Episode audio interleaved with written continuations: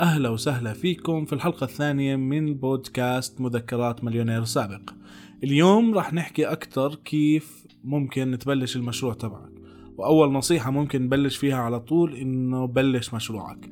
ما تستنى لبكرة ولا تستنى لبعده ولا حتى والله بس أخلص الإشي الفلاني أو عبين ما أفضى شوي. ما تربط حالك ب والله عبين ما أخلص جامعة أو عبين ما أخلص والله امتحانات أو عبين ما ألاقي وظيفة أحسن من وظيفتي أو أو أو أو كل المشاكل هدول والشماعة تبعتك اللي بتعلق عليها كل الحجج تبعتك امسكها وزتها في الزباله بلش اليوم ما تستنى لبكرة. إذا بدك تستنى لبكرة ما راح تلاقي وقت أساسا. فبلش بالوقت اللي أنت معجوق فيه. ممكن تكتشف إنه أنت ما عندك قدرة إنك تستحمل المشروع هذا وتيجي تقول stop okay. إيش لو صار معك ظروف في يوم من الأيام؟ هل رح تستنى والله إنه عبين ما أروق مشان أحل مشاكلي؟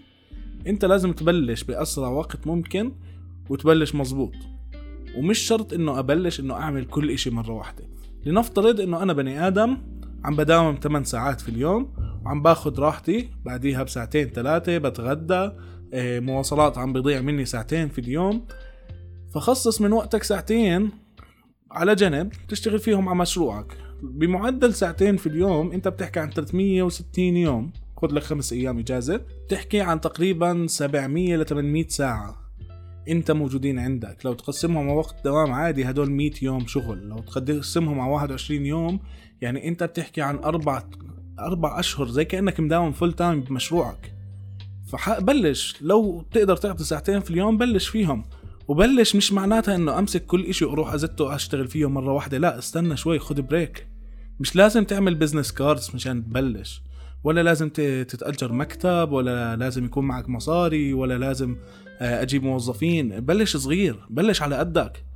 ليش أنت لما تفكر تفتح مكتب ولا تفكر تجيب سكرتيرة وتوظف فلان وعلنتان وتصير budget المشروع تبعك هوب ولا هي عشرة آلاف مشان تبلش وأنت بتقدر تبلش ب دينار.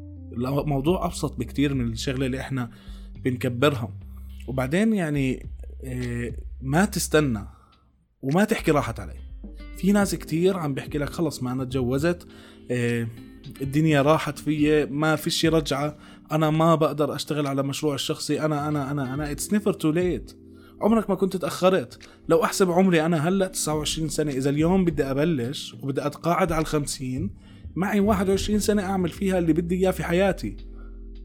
إيش حال بالناس اللي بلشوا زي سبيلبرغ لما بلش إخراج بالأفلام؟ بلشوا بعمر متأخر. أنت شو ناقصك؟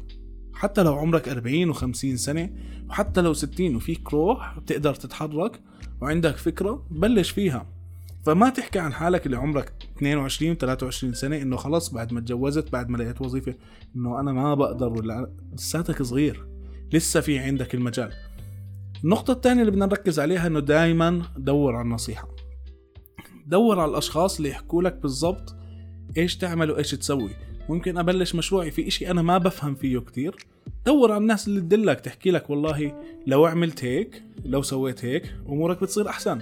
إحنا في 2019 بتقدر تلاقي النصيحة حتى لو أونلاين. لو إنك فتحت على أي website وكتبت على جوجل اكتب كيف أعمل كذا كذا كيف أبني ال website تبعي؟ كتير من الشغل تبعي مبني على زباين ما بيعرفوا يعملوا research والله بدنا نعمل website على ال WordPress ومعنا الثيم ومعنا كل إشي بس ما بنعرف نركبه. ليش؟ لأنكم ما بدكم تتعلموا. أنت بتقدر تتعلم أنت بتقدر تسوي. لو تعمل research دور على ال advice دور على الأشخاص المناسبين يدلوك كيف تسوي الإشي المناسب. على طول النصيحة هاي بجمال كانت. النقطة الثالثة وراح نحكي عنها بحلقة جاي وراح نركز عليها كتير. دور على شريك يأسس معك المشروع يكون حدا بتثق فيه وحدا يركن عليه.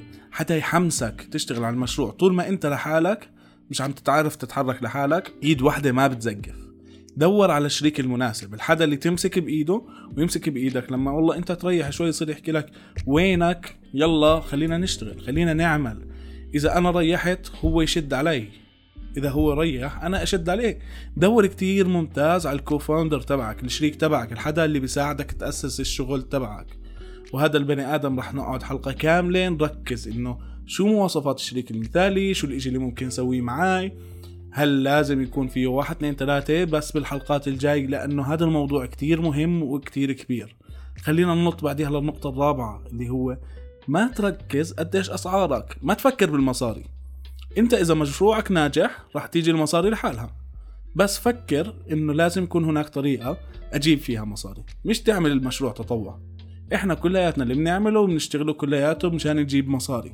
فإذا أنت ما في مصاري في مشروعك مشكلة. بس ما تطمع. ما تفكر والله أنا بدي أصير أحاسب الناس هالقد. سوري أنت بلشت مشروعك مشان تعرف تسعيرتك مزبوط؟ ممكن سعرك كتير غالي مقارنة بالسوق. طيب قديش معرفتك بالسوق مشان تبلش اليوم تفكر بالمصاري وتفكر بالمشاكل هاي اللي عم بتصير معك؟ وزي ما بيقولوها دايما الطمع ضر ما نفع. ما تفكر إذا أنا هلأ ببلش إنه مصاري مصاري ومصاري مصاري هذا حيزود المصاري اللي معك. في عندك شغلات أكتر تشتغل عليها وتسوي فيها مشان تجيب لك مصاري. النقطة الأخيرة اللي بدنا نخلص فيها البودكاست تبع اليوم إنه احكي مع زباينك المحتملين. في مجموعة ناس هدول قريبين منك انت لما فكرت في المشروع اكتشفت انه بيخدمهم بيساعدهم ممكن يطور من حياتهم ممكن يعمل معهم إشي كتير لطيف.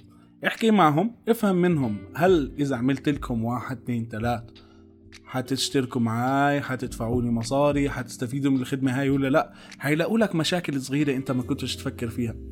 طلع دائما من وجهة نظر الزبون إنه هذا الزبون شو بده؟ شو طلبه شو عم بيعمل شو عم بيسوي. ممكن انت عم بتحل له مشكلة هي أصلا مش مشكلة بالنسبة له. هو بس خلص هذا الجانب هو مهمل وما عارف يتأقلم معاه.